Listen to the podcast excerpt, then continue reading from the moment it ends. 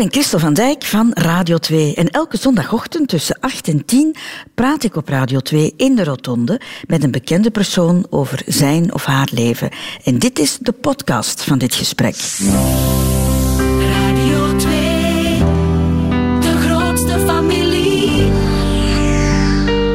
Goedemorgen aan de ontbijttafel in de Rotonde in Westende zit chocolatier en kok Dominique Persone. Goedemorgen. Goedemorgen Dominique.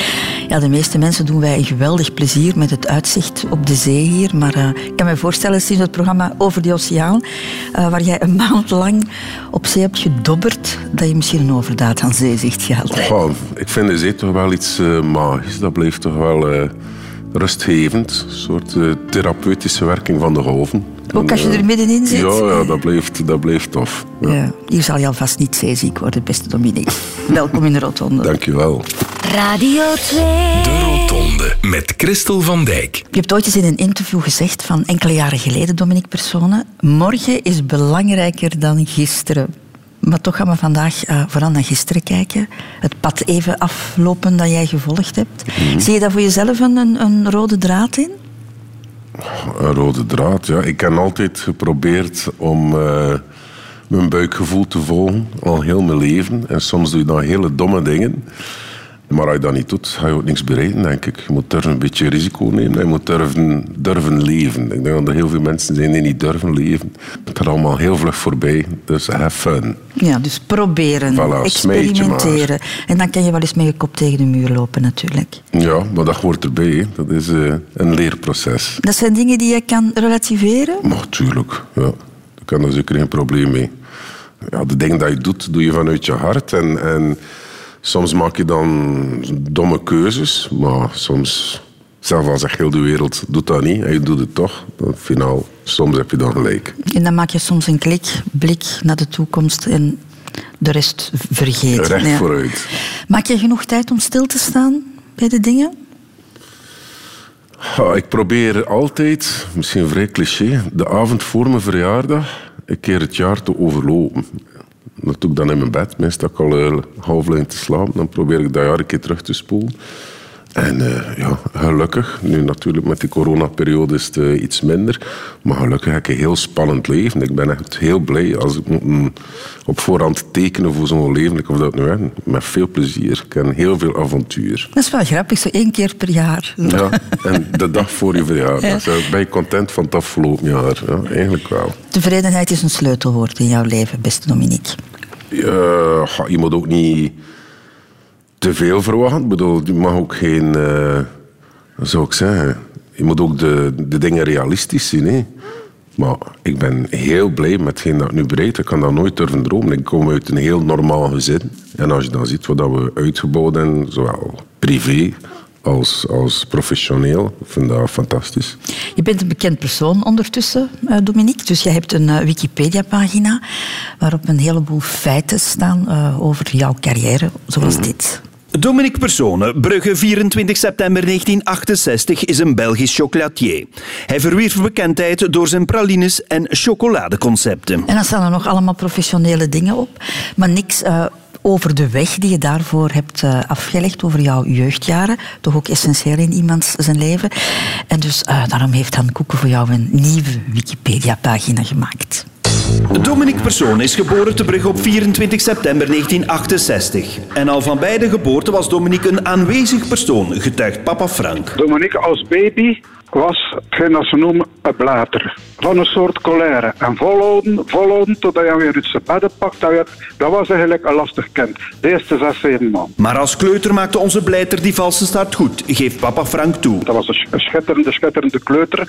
Die ook als kleuter sociaal in de belangstelling stond. En ook voor zijn één jaar oudere zus Catherine was Dominique een schitterende aanvulling van het gezin. Dat was een hele lieve broer, heel sociaal. Moest ook altijd meespelen met ons, met mijn nichtje en mij. En dat was dan met de pokken en zo. En moest we wel volgen. Toen hij klein was. Maar al snel werden die rollen omgedraaid en moest zus Catherine haar sociale broer volgen. Dat wij op vakantie gingen en dan Dominique die ging spelen met de kinderen. En ik durfde dat dan niet. En na een half uur had hem eh, ja, de helft van eh, het hotel of van de camping als vriend. En dan kwamen mij al en dan deed ik mee. Zo is hij. En op de camping ontpopte Dominique zich al snel tot een echte ondernemer, vertelt vader Frank trots. Zo nam hij de ganse groep kinderen op sleeptouw en ging braambessen plukken in het bos. En dan gingen ze van tent naar tent die braambessen gaan verkopen.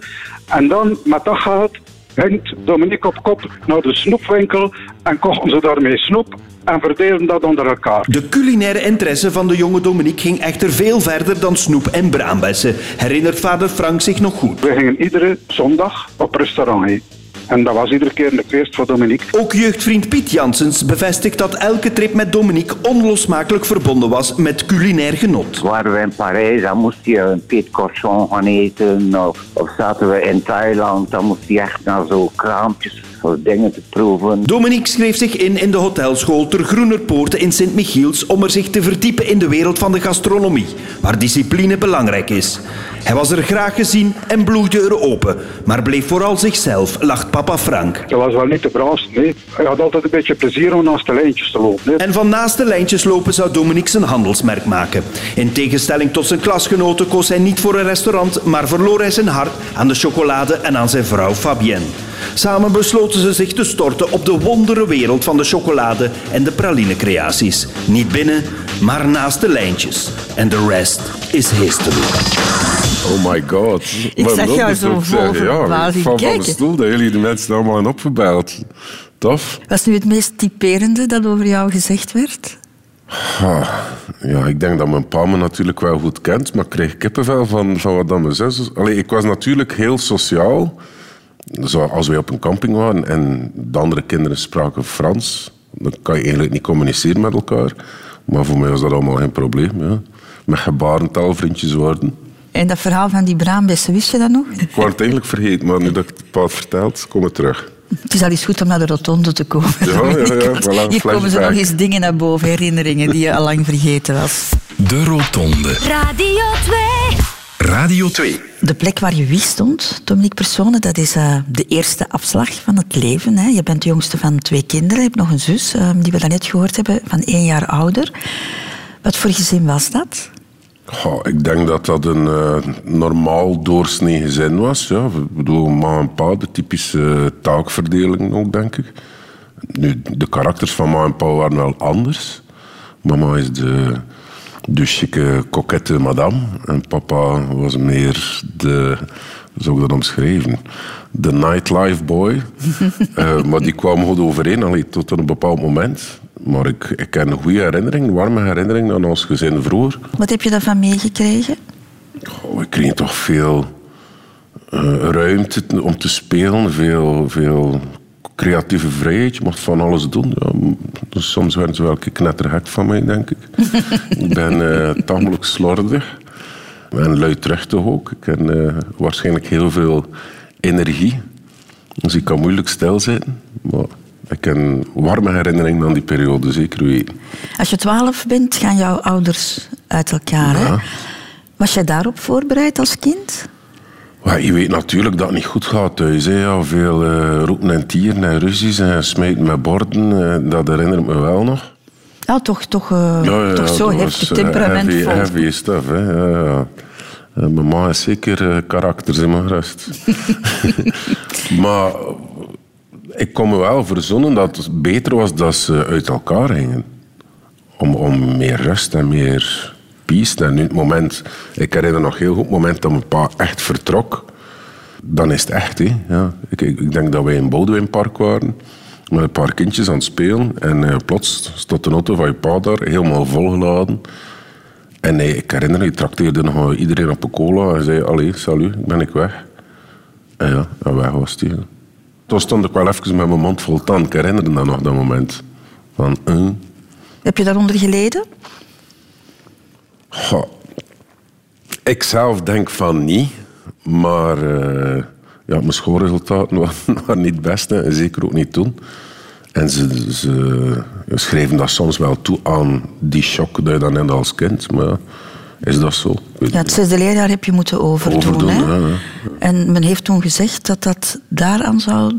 Ja, volgens het PMS. Maar het PMS dat is allemaal eh, relatief, denk ik. Die hebben ook veel fouten gemaakt. Maar je hebt er een, dat een plaats kunnen geven. Ja, denk, allee, het heeft ook zijn voordeel. Nee. We kregen twee keer Sinterklaas. Maar je zag je vader wel heel weinig hè, in die periode. Ik denk dat dat een beetje de moeilijkheid was. Ehm, we waren om de maand, gingen we één weekend naar, naar Middelkerk. Om de maand. Om de maand, één weekend. Dan kwam hij ons aan op vrijdag en de zondagavond terug. En dat is eigenlijk te weinig, denk ik. Om een mooie balans te vinden tussen je ouders. Hè. Maar eh, ja, in die tijd was dat zo. Hè. En, en scheiden in die tijd, nu is dat, allee, ik kan niet zeggen dat de helft van België gescheiden is, maar het scheelt niet veel. Maar in die tijd, voor mij, ik herinner nog in mijn klas, ik was de enige waar dat mijn ouders gescheiden waren. En dat was echt iets raars. Eén weekend op de maand dus naar Middelkerk en naar jouw vader, die, die baas was van het, van het casino. Dus jij hebt daar ook een deel van jouw leven in het casino van Middelkerk doorgebracht. Eh, nu, papa had heel weinig tijd voor ons. Hij had een heel druk leven en er was altijd wel iets in het casino. Eh, toen we echt nog jong waren, toen ze net gescheiden waren, was dat moeilijker, want dan konden we heel, weinig doen. Eh, en hij had, ja, ik herinner nog dat iedere avond was er daar een showtje. Uh, van den Bos en Benny Neyman en Rob de. En we kregen dan uh, frisdrank. Allee, kijk maar naar de show. Dus men zou allemaal tien keer zien passeren. Maar als we dan iets ouder werden, dan begonnen we te helpen in het casino. Want plots was er dan ergens personeelstekort. En eh, dan waren we vertrokken. Hè. En zoveel jaren later, eh, nu jammer genoeg is het casino er niet meer, het is afgebroken.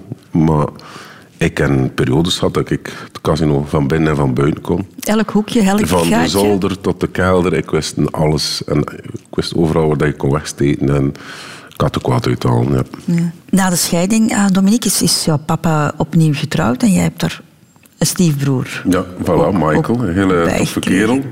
We zijn een beetje, ja, hoe noem je dat? Modern family van de jaren zeventig. Ja, was dat makkelijk voor jou om er plotseling nog een nieuw lid van, van de familie bij, bij te nemen? Nu, Michael was veel jonger dan, dan ik, of is veel jonger dan ik. Maar eh het tof haast. Ik bedoel, een grote familie. Hoe meer, eh, hoe meer zeeuwen, hoe meer vreugde. Meer ambiance. Je hebt hem stoute manieren mogen aanleren. Eh, in het begin heb ik hem al een beetje dingen geleerd, maar die heeft eh, zijn reputatie als lid van de familiepersonen meer dan waargemaakt. Jij lijkt wel op je vader, denk ik, nee? Zo'n flamboyante man. Heeft hij dat aan jou doorgegeven?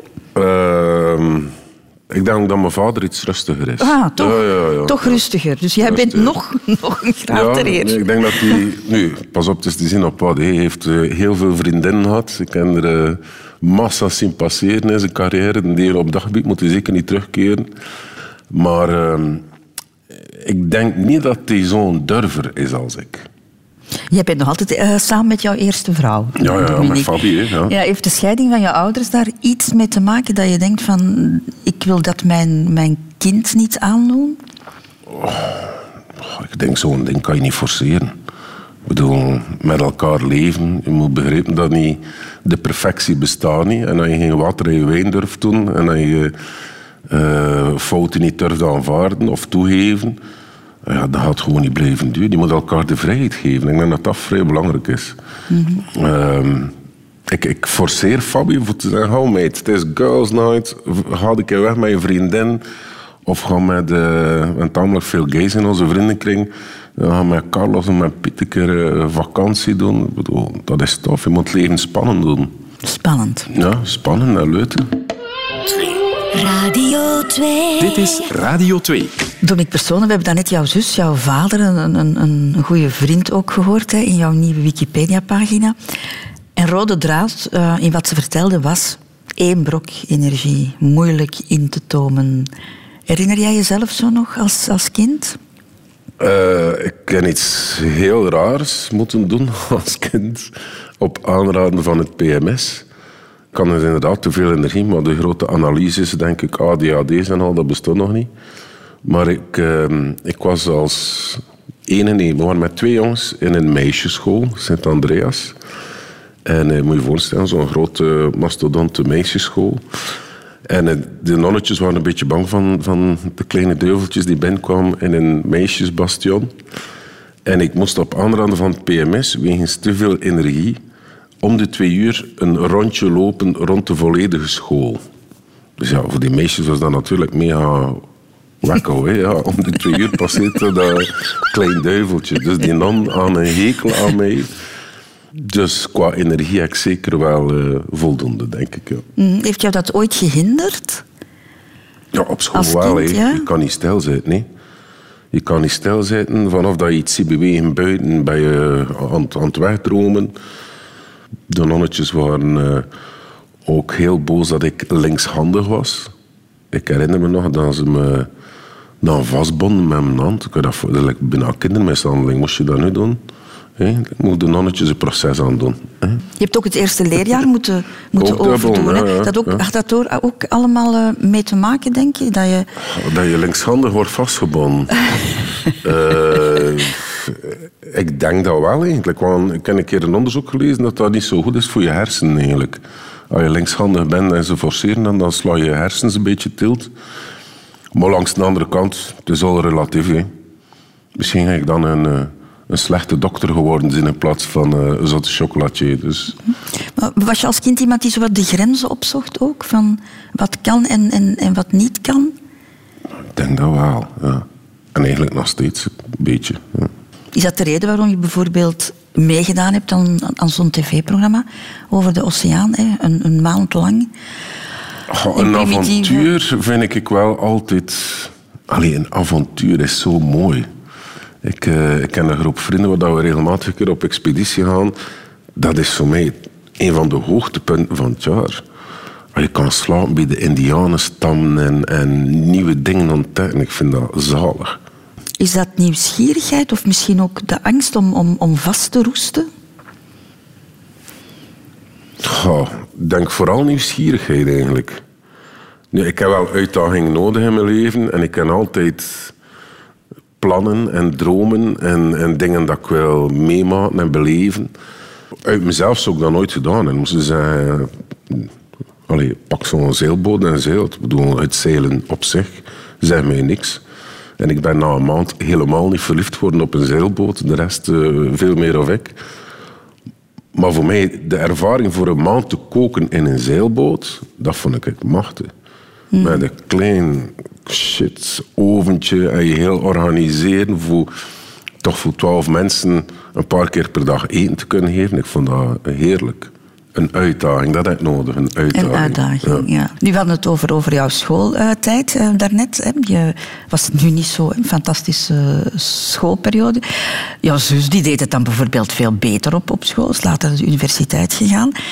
Werd je met haar vergeleken soms? Of Ja, in de zin van, wel. kijk eens naar jouw zus. eh. Ja, ik denk dat wel. Ja, zeker. Ja, ik denk ook dat onze familie nooit had gedacht dat dat dan toch nog een succes... En veel leraars ook niet. Dat dan toch nog een succes zou worden, mijn, eh, mijn carrière. maar heeft jou dat gestoord, die, die vergelijking? Of... Oh, ik zie mijn zus super... Ah, ik ken ook maar één zus. Ik zie haar super graag. En dat was... eh, allee, die heeft heel veel voor mij gezorgd. Ook als, als toen ik klein was. Dat was mijn tweede mammatje. Ik heb geen enkel eh, jaloers moment gehad tegenover mijn zus. Zeker niet.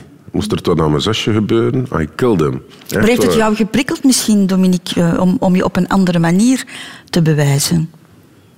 Ah, niet zozeer tegenover mijn zus. Ik denk veel meer tegenover eh, de, de leraars op school. Ah, je ziet de lozer, je kan niet schrijven en je kan niet stellen zitten en er gaat nooit niks van je terecht te komen. En ik, ik ken, allee, en zeker ook in de lagere school, werd ik uitgekafferd en uitgekakt en ik stond meer in de hoek dan dat ik eh, op mijn bank zat. Maar ik ken ook wel een soort, hoe moet ik dat omschrijven? Als ze proberen je te kraken op die manier, wat dat vroeger zo was op school, was eh, strenger of nu. Hè. Maar een pa, als de leraar iets zei, had altijd gelijk. En als je dan probeert te kraken, oftewel kraak je dan echt, ofwel vorm je een soort scheld rond jou dat je eigenlijk niks meer doet. Eh, ik herinner nog, links en rechts bijvoorbeeld, juffrouw noemde die heksen, juffrouw Dujardin.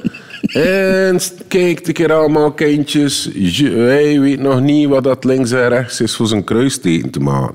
En oftewel sta je dat dan met een rode kop en word je vernederd door de klas.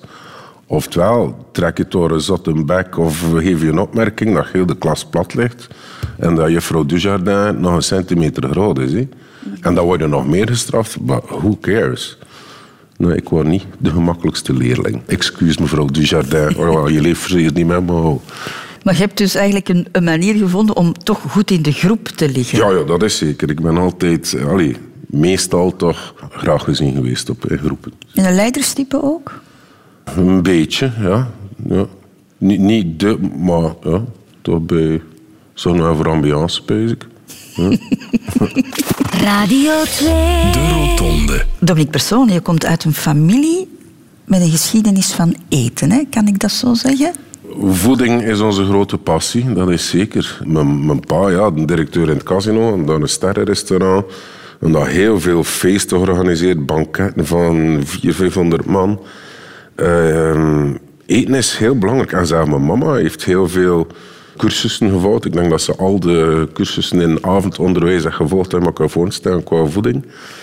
Dus ja, ik ben wel opgevoed met, met lekker eten. Slagers zaten er ook in. eh, Dat is dan de vorige generaties, waren er heel veel eh, slagers en, en bakkers. En, en nu, mijn grootvaders niet, maar de generaties daarvoor wel.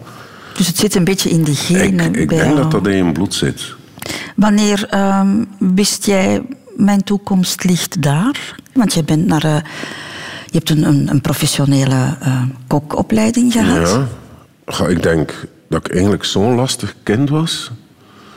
En mijn ma ze zei van... eh, ja, en als je niet studeert of als je niet beter je best doet... dan steek ik je op internaat. Dat was een soort gevangenis. Hé, hey, mag op het internaat. Oké, ja. Nu, ik kom naartoe. Ik vlieg dan inderdaad op internaat. S morgens om vijf uur de maandag eh, met een trein naar, naar. Alleen, kan je dat voorstellen. En ik kom naartoe. En wat bleek, mijn ma was dus gemist. Dat was een gemengd internaat. Dus voor mij was dat ineens... Halleluja. Ik herinner me nog dat ik het raam van mijn kamertje. Ik kon ik als al meisjes roepen en tieren. En ik zie daar een zwembad, een openluchtzwembadje, met allemaal eh, zwemmende meisjes. Ik dacht van, yeah, De hemel. Ik ben in de hemel terechtgekomen. Nu, ehm, ik deed niet echt, ik kan niet echt goede cijfers. Eh, heel veel spellingsfouten. Ik kon me ook moeilijk focussen, moeilijk concentreren. Eh, en dan zei mijn ma, ja, maar ja, als dat zo verder doet, ga ik je naar de vakscholen sturen. En dan zei ze, ja, eh, wat ga je doen? Een timmerman of dit of dat of hunter? En eten, koken, vond ik toen al echt fun. En ik ken dat, alleen een broodje bakken, eh, een patéetje maken, ik vond dat zalig. Maar echt bewuste keuze is het eh, eigenlijk niet geweest. Mm, Ik herinner me zeker zo niet. Nee. Nu, ik, ik werk graag met mijn handen, hè. Al, altijd. Hè. Ik kan ook heel graag timmerman worden. Ik vind dat fantastisch. Eh, met hout bezig en de geur van Ah, hout. ja, je bent je eigen huis aan het verbouwen nu. Hè? Ja, ja, ook. Ja. Allee, ik moet eerst eh, oefenen en me bewijzen aan mijn madame of dat eh, goed genoeg is om de dressings te maken. Maar ik vind dat even tof. Ja, ik denk, ja, het is een pad dat je volgt. En vol, als je je buikgevoel volgt, kan je nooit bedrogen worden, denk ik. Mhm. En dan kom je toch op een gerenommeerde hotelschool, hè, de Groene Poort in, in, in Sint-Michiels eh, Ja. Brugge. Had je toen het gevoel van, ik heb eindelijk mijn, mijn plaats gevonden? Ja, dat denk ik wel. Want eh, de schoolresultaten waren dan plots veel beter. Dan vind je toch een, een passie en een liefde en een, iets dat je echt graag doet. Ja, ik had wel een hekel, ik moest in kostuum naar school met een stropdas. Dus wat je mij een beetje kent. Elke dag een hemdje aan met een stropdas, dat was nu niet mijn ideale outfit. Maar zelf dan nog een beetje rebels kunnen zijn door die stropdas niet heel recht te trekken of je haar een beetje te lang. Of, eh, ik vind dat wel tof. Ja, als er een be- beetje, uit, een beetje discipline is, kan je rebels zijn. Hè. Ja. Dus de discipline, dat kon je wel aan, ook in de keuken, want daar heerst toch een ijzersterke discipline. Hè? Ja, allee, ik heb nog in, in grote restaurants gewerkt in Parijs. Was er ja, en meer dan 30 man in de keuken. Dat is een, leger. Hè. En de respect voor de chef en de souschef en de, de, chef de partie, dat was wow.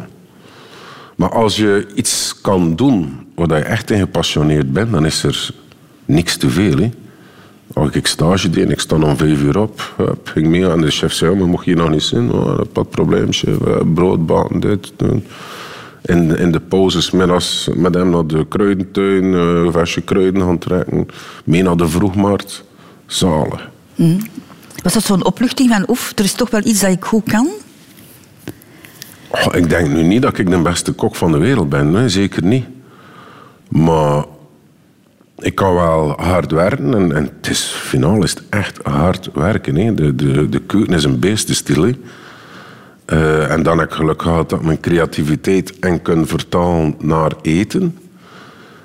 En zeker naar chocolade. Hè. In de wereld van chocolade. eh, nu is dat natuurlijk een groot succes. Hè. En rare smaakcombinaties en dat. Maar als ik daarmee begon, zij is een ding is zot. Nu, maar je zegt, ik denk niet dat ik de beste kok ben, ben maar je, je zit daar in, in Parijs in een, in een drie-sterren-restaurant waar de lat heel hoog lag. Ja. Allicht, waar er ook verschillende koks waren. Ja. Je moet wel je plaats afdwingen daar. Dat wel, maar langs de andere kant, ik was al heel sociaal. Hè. Dus dan kom je weer in een nieuwe bende terecht, in een nieuwe groep terecht. En als je sociaal zit en met die de meeste overweg kan, ja, dan is het... eh, ja, ik ken daar weinig... Weer, allee, ja, natuurlijk chefs die, die heel dominant en... Maar als ze, als ze zien dat je echt hard werkt en dat je dan een beetje te veel energie hebt, kan je echt nog een tandje bijgeven met de rest. Hè. Ik plooide niet. Ik heb eh, heel veel gewerkt. Heel veel. ja, het zijn veel mensen die zeggen, oh ja, mooi en dat bereikt en het is gemakkelijk en tralala. Maar ik heb niet voor niks. Ik heb echt kei, keihard gewerkt. Zeker wie. Ja, en in Parijs, voor het geld moest je het niet doen, denk ik daar. Hè? Zeker niet. Ik herinner nog toen ik in Bordeaux zat, heb ik vier maanden daar gewerkt en ik kreeg toen in Belgische frank 9000 frank voor vier, vier maanden te werken. Dus moest je dat nu vertellen, dan, eh, hoeveel is dat in euro? Ik tel altijd in Belgische frank. Hè. Eh, allee, weinig. Dat vond je niet belangrijk toen. Nee, dat, is, dat is leergeld ook. Hè. Allee, ik vergelijk dat altijd met iemand die zijn middelbare studies doet en die dan geld en tijd investeert in hogere studies. Maar eigenlijk in de keuken, als je goede kok wil worden, moet je dat op dezelfde manier zien. Hè. Je doet je middelbaar, je hotelschool en dan moet je nog een aantal jaren gaan werken voor peanuts.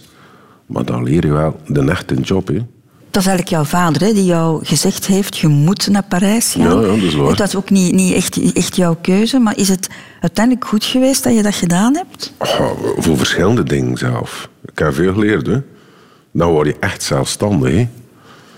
Mijn pa zei, hier, naar Parijs, uh, wint er maar aan. Ik kreeg een geld, moest zelf met mijn beperkt Frans een, eh, een studio gaan zoeken. Dat alleen al. Met je lief naar Parijs een studio gaan zoeken. Dan ja, meubels. Fuck, naar de Ikea. Allee, met, met, met mijn heiten naar de Ikea. En die zetel kon er natuurlijk niet in. Dus ik ken tak van mijn deux chevauxje open gedaan, die zetel recht erin. En dan zo, centrum, centrum Parijs. Ik had een, een, studio in, hoe noemde dat? was machtig, hè? Place Pompidou. Ach, Daar zat mijn studio. Maar zie je nou een Belgische nummerplaten met de heiten met een zetel en zo. Bij dat niet meer mag. Bij moest je dat doen. Zo je.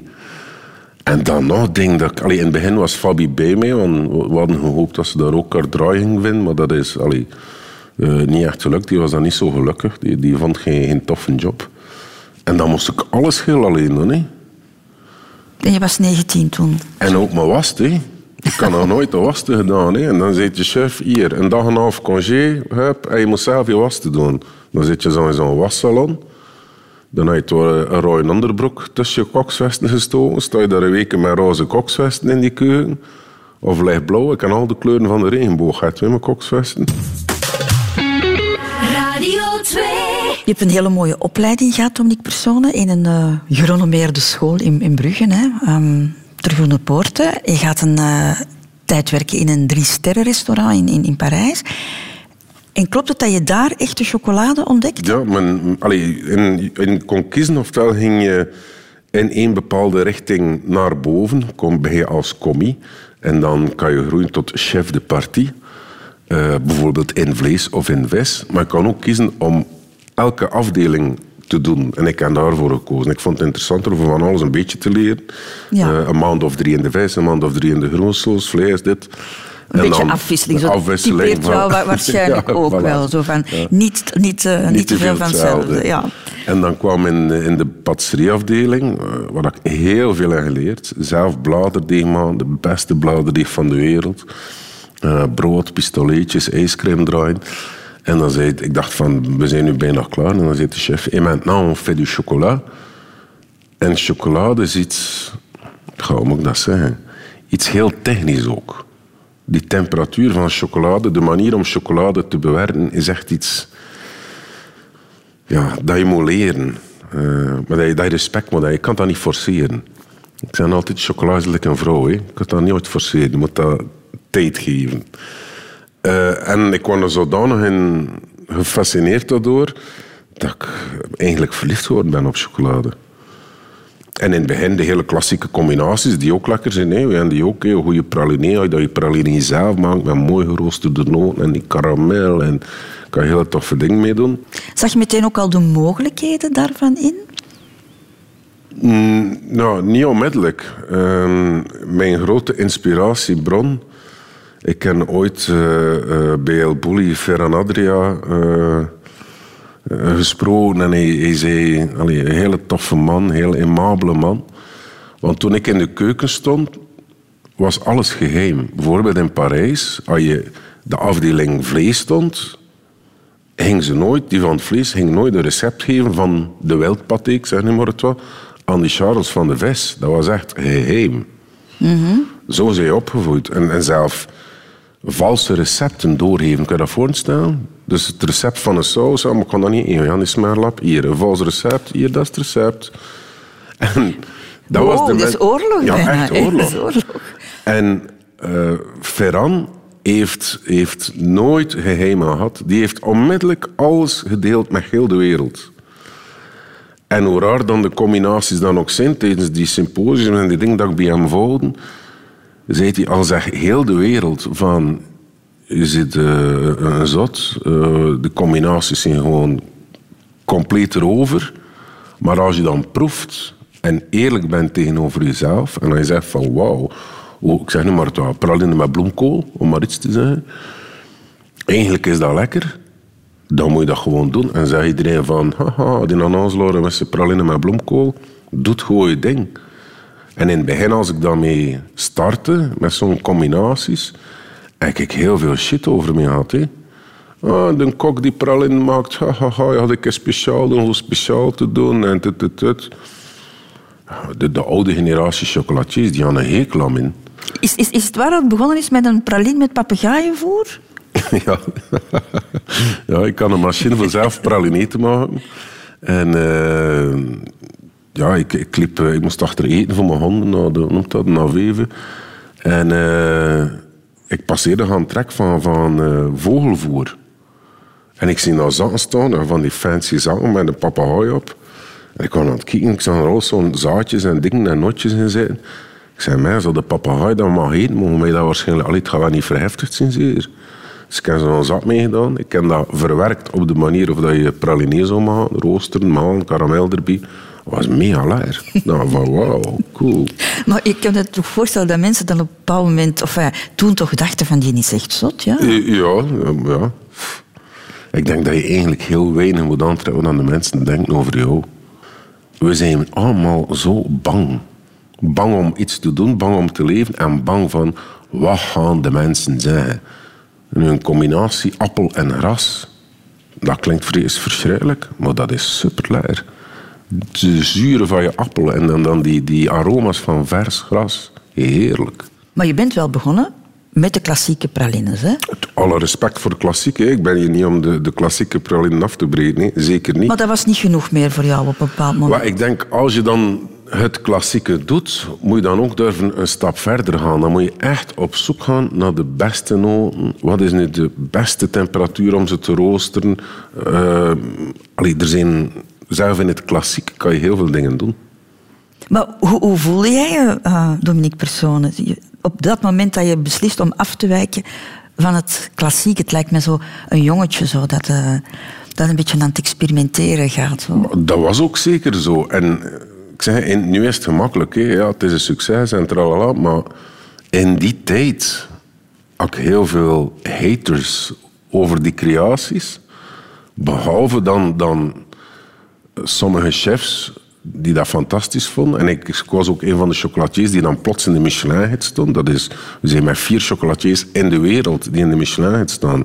Dat was echt van wow. En voor mij als kok, allee, dat is een, een van de grootste eren dat je me kan voorstellen. Nee, je moet daar ook niks voor doen. hè. Dat is geen wedstrijd, dat is het ding, staat boom, hij staat in de, in de hits.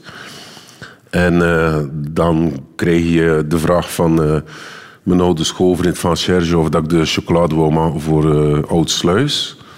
Die toen één ster had. En dan meegroeien als een tweede ster, als een derde ster. En dan zegt Peter, Peter Goossens van... Hé, hey, kom, eh, ik zou gaan dat je praline maakt. En de hertog Jan vraagt dan voor de praline.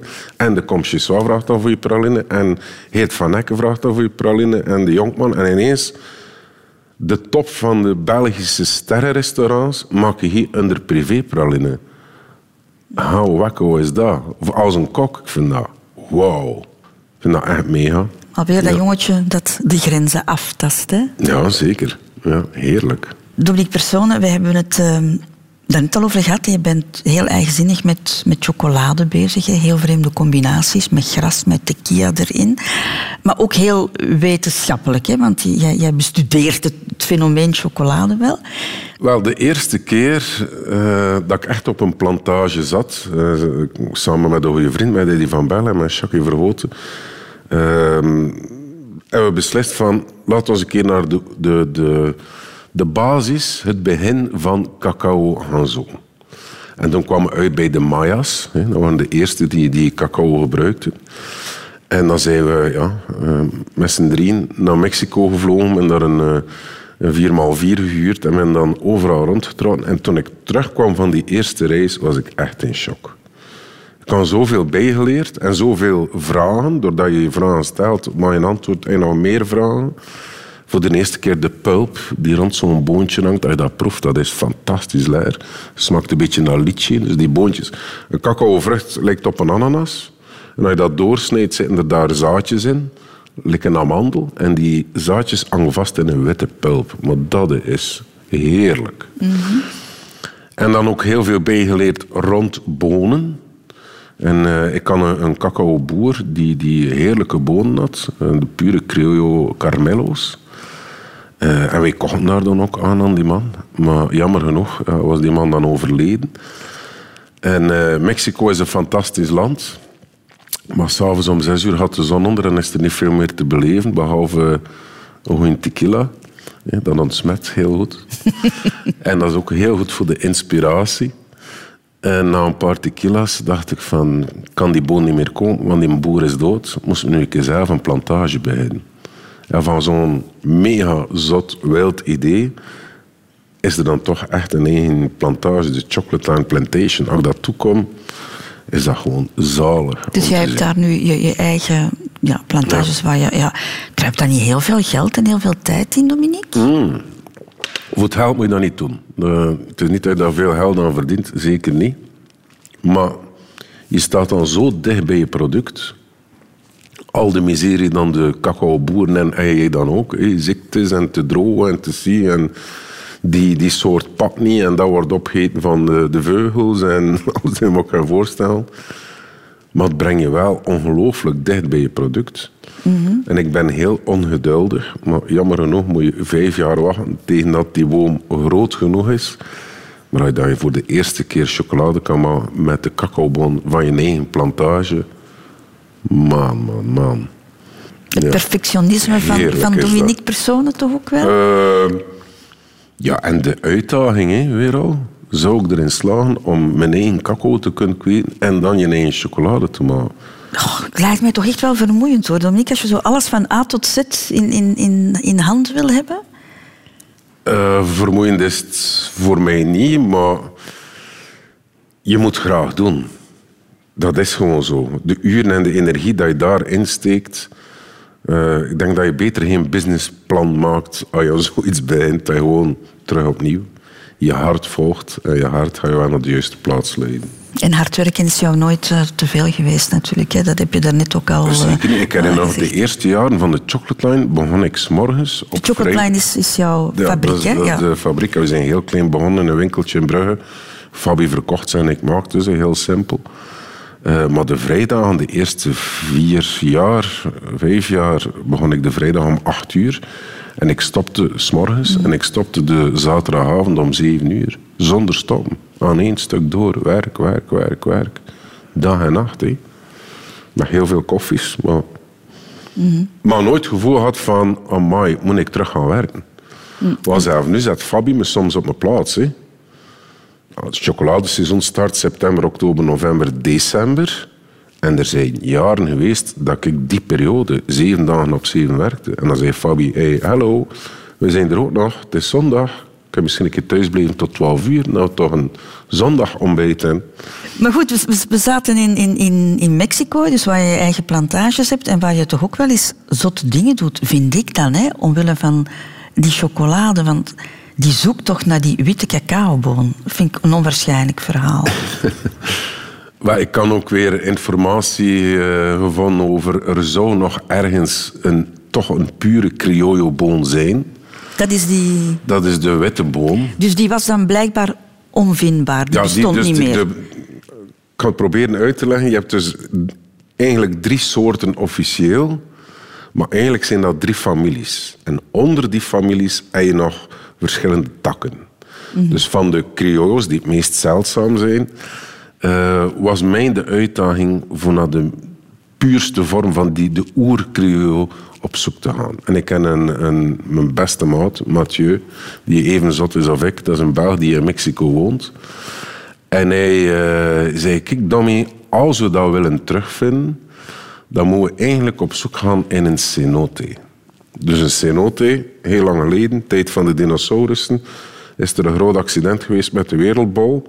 Is er een kei van 16 kilometer op onze wereld geknald en daar recht in Yucatan, waar dan dus eh, de Maya's woonden. En door die inslag zijn al de dinosaurussen dood, maar zijn er enorme kraters ontstaan. Diepe putten. En de Maya's gebruikten dat als heilige plaats om te bidden. Maar dat was ook de plaats waar ze eh, hun drinkbaar water gaan halen, waar ze mensen offerden. Allee, dat was een heel heilige plaats. En de Maya's, we weten dat, gebruikten heel veel cacao in hun ceremonies. Dus ik dacht samen met Mathieu, als we kans willen hebben om die witte boon te vinden, dan moeten we daar naartoe. Dus minder twee van die paarden eh, eh, ge- gehuurd. Allee, het zijn... Maar als, als de foto stond van madame, zegt ze het muilezels zijn. Maar paard klinkt chiquer op de radio. En eh, ja, uren, uren rijden door de jungle. We wisten dat er ergens cenotes waren. En dan hadden we van die touwen mee, om naar beneden te gaan. Met van die leren dat je dan niet, niet verbrandt. Dat waren putten van ja, 26 meter diep.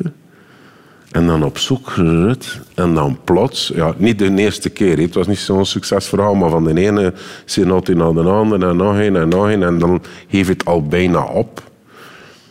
En dan plots kom je daartoe en zie hem staan. Voor mij was dat echt de holy grail. Like, halleluja. Je ziet dus die boom, die al veel te groot is, die nooit gesnoeid geweest is, wild.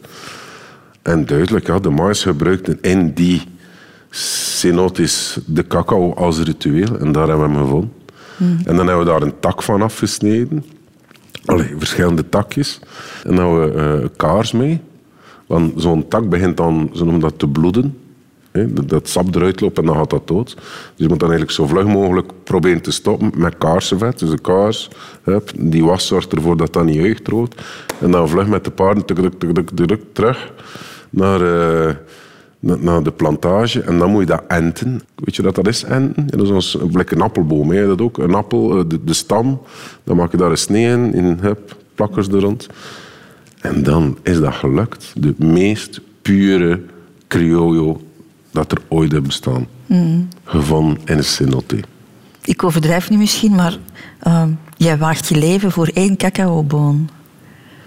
Eh, maar ja, overdreven, ja, ik denk het niet. Eh, Maar alweer die grenzen, hè, Dominique. Het is precies nooit, nooit genoeg voor jou, hè? ja, maar het is jij die me er nu met mijn neus op de feiten drukt. Ik heb er eigenlijk nog nooit bij stilgestaan. Ja. Een afslag die jij al heel jong genomen hebt, Dominique Persone, is de afslag van de liefde. Hè? Mag ik toch wel zeggen, hè? Mhm. ja, dat klopt. 19 was jij toen je Fabienne leerde kennen. Dat is wel jong, hè? Ja, zeker. Fabi was toen 23, dus ja, dat was... eh, Een rare combinatie. Dat jonge blaadje, dat was jij dan, hè, de, bij de matuurdere vrouw. Ja. Ehm, maar kort nadat jij eh, haar hebt leren kennen, vertrek jij al naar Parijs om daar in een, in een restaurant te gaan werken. Dus het moet ook een serieuze relatietest geweest zijn. Oh, dat denk ik wel. Maar ja, dan is dat de, de prille liefde en het gemis eh, maakt de liefde alleen maar sterker, denk ik. Eh, dan is het inderdaad een, een echt een test.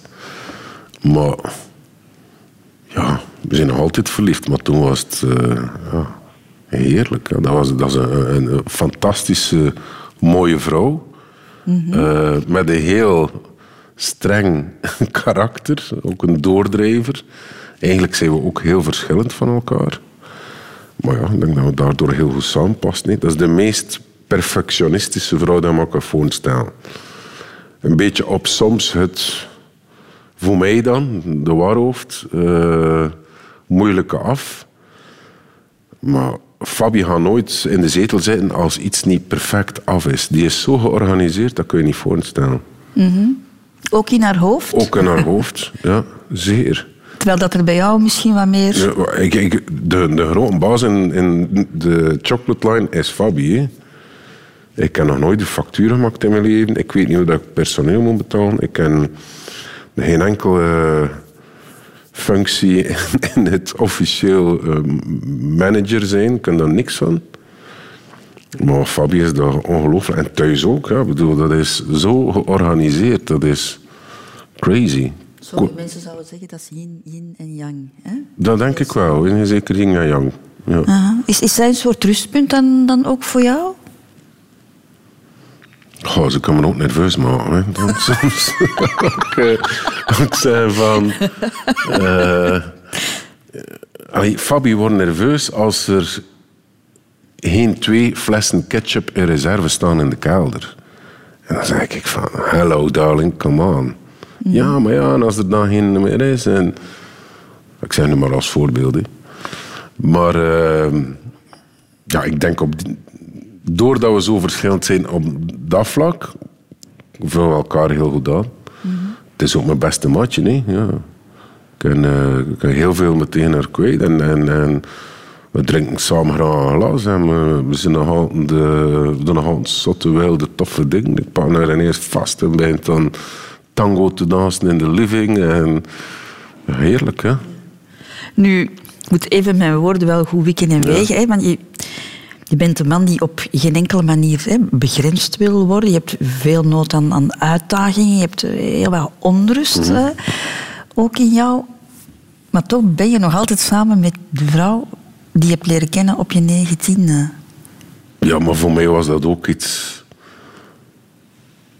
Hoe zou ik zeggen? Dat was zo'n. Alleen nog altijd, maar dat was zo'n. amazing. mooie vrouw. Dat dat eigenlijk in mijn hoofd. niet realistisch ging zijn voor haar te veroveren. En dan lukt dat dan toch. En, allee, als jong gastje, een mokkel van 23. Dan zeg je van wauw. en. eh, ik ken ook een vrouw nodig die haar karakter heeft. Eh, een soft vrouw die achterin aanloopt, dat geeft me... Fabi is een dulle. Soms kreeg ik eh, een map tegen mijn kop, eh, figuurlijk dan van haar. Ehm, en Fabi is ook enorm gedreven, gepassioneerd, bezig met ontwerpen, bezig met verpakking, bezig met... Allee, die is enorm gedreven ook. Die heeft ook veel energie. Hè.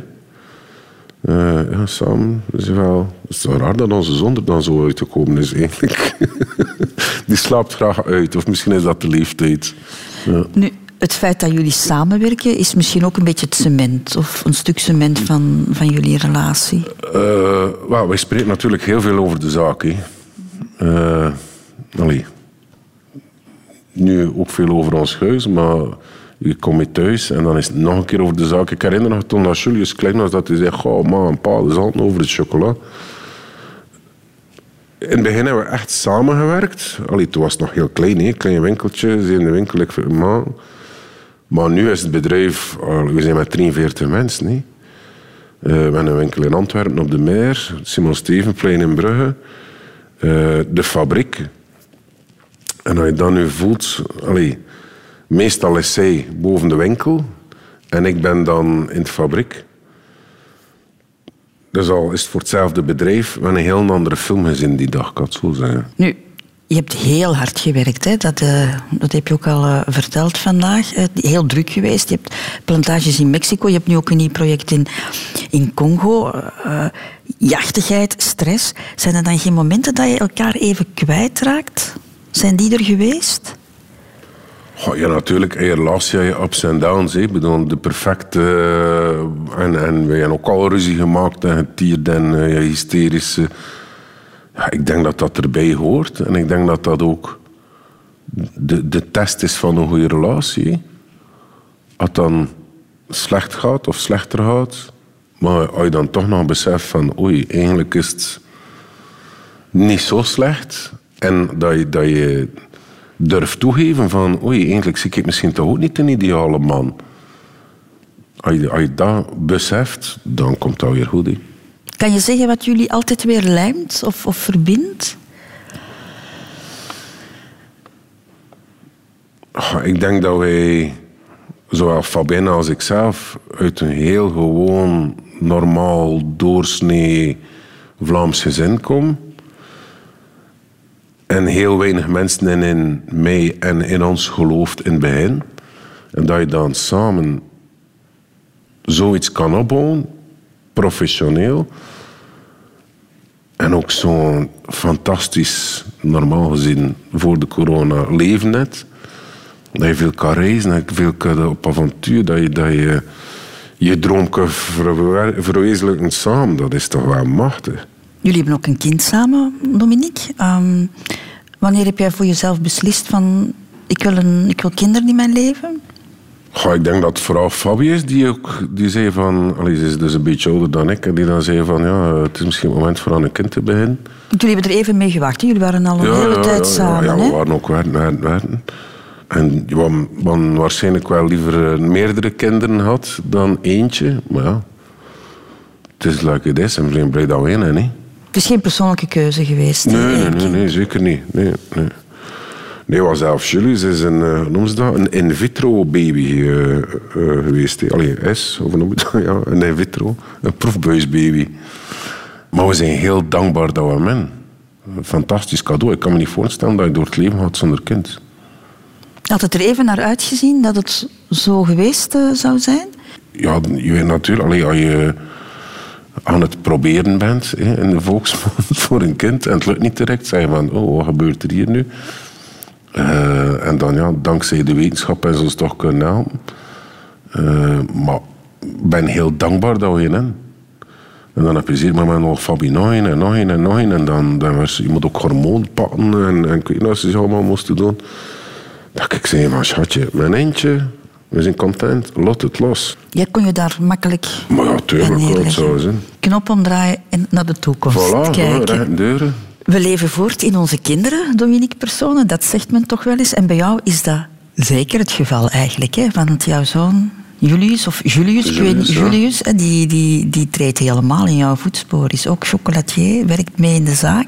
Ja, ik heb eh, mijn begin geforceerd voor dingen te doen dat ik ooit had willen doen. Eh, tennissen, gitaar spelen, al die dingen. Ik heb hem geforceerd, daar had hij hekel aan. Maar ik heb hem nooit geforceerd hem in food te komen. En toch wou hij absoluut hotelschool doen. En ik heb hem ook echt nooit geforceerd voor in de chocolade te komen. Maar plots zit hij ook, zoals ik, de knop omgedraaid van, van de keuken naar de chocolade. En nu is dat zijn grote passie. Wat ik wel probeer te doen, is hem te motiveren. Eh, Ik heb naar Las Vegas gestuurd en cursussen en dit en stages. En op de plantage gewerkt in Mexico bij ons. Om die, die passie nog meer eh, aan te wakkeren. Dat doe ik wel. Maar voor mij moest hij het zeker niet doen. Maar als hij het echt doet uit zijn hart, dan, dan geloof ik wel dat het succes kan worden. Je had geen schrik tussen, voor de confrontatie tussen vader en zoon in mekaars vaarwater tuurlijk, dat zitten. gebeurt en- eh, regelmatig. Toch, hè. ja? ja, ja. maar I'm still the boss. Eh, maar dat is ook nodig, want eh, allee, hij heeft zijn visie op moderne en toffe en flashy en graffiti eh, technieken. Maar je moet hem ook loslaten daarin. Je moet die dingen kunnen creëren. Maar finaal is vader toch nog de baas. Mm, De vadermoord moet nog gebeuren daar eh, bij personen. nu dus, ja, jouw werk wordt eh, voortgezet, ah, Dominique. Als jij jouw ogen sluit, hè, dan is er nog iemand in je familie die nog pralines eh, en chocolade zal, zal maken. Dus ja, laten we ons eens even ons buigen over jouw laatste einde, jouw laatste Ja. afslag. Je wordt er ehm, dit jaar 53, hè, veel te jong om te sterven, maar toekomst is toch kleiner dan verleden. Hè? Ja, ja dat is waar. Maar ik ken wel echt geleefd. Hè. Allee, ik, ik ga ook niet moeten terugkeren, denk ik. Ik ken heel veel kansen en, en dingen die passeren op je levenspad met beide handen genomen. eh, gekoesterd. eh, volle bak geleefd. Ook niet te lang stilstaan bij iets. Dat er iets ongelooflijks gebeurt in je leven mag je 24 uur daar heel trots op zijn en heel veel party doen. Zoals wat ik eh, in 2008 het beste chocoladeboek. Dan zei van wauw, ik heb het beste chocoladeboek van de wereld geschreven. Maar stop er dan mee. Ik bedoel, je moet niet beginnen je het? Proficiat, feest, kater en next page. Doorgaan. Doorgaan. ja. Dus ik ken heel veel doorgaan. Ik hoop natuurlijk dat ik ook nog ooit de, de fantastische ervaring ga hebben van opa te worden. Of van eh, ja, mijn zoon te zien trouwen en, en nog meer succes, en nog meer leuk en nog meer passie in hetgeen dat hij doet. Maar ik ben zeker ook blij met hetgeen dat ik al bereikt heb. Maar heb je schrik van dat einde, Dominique? Nee. Nou ja, of dat je daarnet zei, in Congo, toen ik eh, laatst in Congo was, zag ik daar een, eh, een, een auto volledig doorzeefd van de kogels. En dat was een aanslag dat een dag ervoor was gebeurd en dat bloed liep dan nog uit. What the fuck is dat hier. Allee, dan sta je echt naast de dood. Maar dat moet gebeuren, gaat gebeuren. Nee. En is dat nu op de oceaan met een boot? Of is dat nu in Mexico eh, op de plantage? Of eh, door een of andere drugskartel dat je kopje kleiner wordt gemaakt in Mexico? Je moet niet bang zijn om te leven. Je moet niet zo, maar je moet niet bang zijn om te leven. Je ne regrette rien. Dat is belangrijk in het leven. Hè? Hoe zou je willen sterven? Mocht je dat in, in handen hebben? En zeker geen zin voor lang af te zien. Zeker niet. Ehm, ik herinner nog een van de laatste bezoeken aan mijn grootvader in het hospitaal. Eh, die had eh, een of andere, het was stom, een longontsteking of wat. Is dan naar het hospitaal geleid en eh, ik kon nog moeilijk babbelen. En ik, ik, eigenlijk en ik doe dat lang weg en ze hadden hem vastgebonden in zijn bed. En daar is die man gestorven. Hoe erg is dat niet? Nee, Eenzaam ook, hè? eenzaam. Er was een onderwijzer. Dat veel mensen leren schrijven en leren rekenen. En dan die jongen snat hadden, bin je vast aan je bedden. Dan heb ik liever een eh, overdosis tequila. En dat ik eh, s'nachts eh, van de trappen vallen en mijn nekken breed en dood zijn. Een rock'n'roll einde voor Ja, Dominique dan Persoon. toch liever wel dan, dan in het hospitaal. Of allee, met alle respect voor bejaardentehuis, maar ook sommige mensen die zitten in een bejaardentehuis, denk ik van, oh my god. Ik zou daar moeilijk mee hebben. Omdat ik enorm... Allee, graag op avontuur en vrijheid en eigen ding kan beslissen. Ja, Ik ben eens benieuwd naar jouw einde. ja ik waar. ook. hè. Maar ik denk waar. dat meer het tequila van de trap gaat zijn, hoor, van min, maar... De grootste familie. Radio 2. Dominique Personen, zullen we ook eens even naar de afslag toekomst eh, kijken? Ligt die voor jou nu ook voor een stukje in, in Congo? Ja, ik ga natuurlijk nog regelmatig naar Congo gaan. Het is zo'n fantastisch project. Eh, een sociaal project, een chocoladefabriek begonnen daar met het park zelf. eh, om de mensen te helpen. Men belooft om daar geen euro uit te halen. En eh, ik ben heel blij. Nu, het is moeilijk om nu de export te doen. En om er naartoe te gaan om nog te fine-tunen. Maar Als ik zie hoe dat nu al begint te groeien, de lokale bevolking begint daar eindelijk chocolade te eten. Eh, wat eigenlijk heel maf is, zijn cacaobomen in hun thuis staan, we zijn nog nooit chocolade gegeten. Dus ik hoop dat we dat nog kunnen uitbouwen voor nog meer succesverhaal te maken in Congo en nog meer mensen en dieren. Dat zou super zijn. Hoeveel mensen heb je nu in dienst daar al? Goh, nu zijn er daar een stuk of dertig. Mhm. Eh, maar het is dus een succes. We gaan al bijbouwen. Dus we hopen dat we nog veel meer mensen aan het werk kunnen zetten. En we helpen niet alleen de mensen daar in de fabriek zelf. Maar eigenlijk is dat ook een hele... We een opleiding aan de cacaoboeren om betere kwaliteit te kunnen leveren. Om, om meer opbrengst te hebben, als een betere prijs krijgen. Maar daar heb je bijvoorbeeld... eh, een madamtje die eten maakt voor de bende, dus die heeft ook al werk daardoor. Je hebt eh, wachters rond de fabriek die er staan. Eh, er is ja, mensen die papier maken voor, voor de emballage. Dus er is... we hopen, het is een druppel op een hete plaat, maar er zijn heel veel projecten daar. Een koffieproject, chiazaadproject. Dus als iedereen een beetje zijn best doet, dan hoop ik dat we daar dat van een van de mooiste stukken van de wereld een stukje mooier kunnen maken. Dankjewel, Dominique, dat je met mij wou eh, ontbijten vandaag. Voor een eh, onrustig man heb jij het goed volgehouden, vind ik, om twee uur lang op een stoel te zitten. Ik denk dat juffrouw Dujardin uit de lagere school fier op jou zou zijn. Ik denk het. Wil je tot slot nog iets in mijn gastenboek schrijven? Met veel plezier. Bedankt, lieve Christel, om me even te laten stilstaan bij het leven. Iets waar ik meestal geen tijd voor maak. Ik zou bijna zeggen dat de rotonde een therapeutische werking heeft. Wat een zalige rust hier aan de zee. Eigenlijk zou ik iedereen dit eens moeten doen rond zijn vijftigste. Maar ik moet besluiten dat ik een gelukkig mens ben. Met nog heel veel dromen. Want als je geen dromen meer hebt, dan is het gedaan.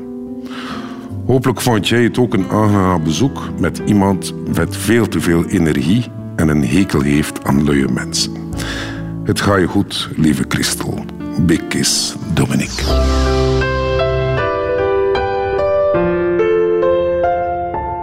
Radio 2. Heb je genoten van dit gesprek? Wel, beluister dan zeker ook de andere afleveringen van de Rotonde. En nog meer podcasts van Radio 2? Ook de rechtvaardige rechters vind je in je podcast-app.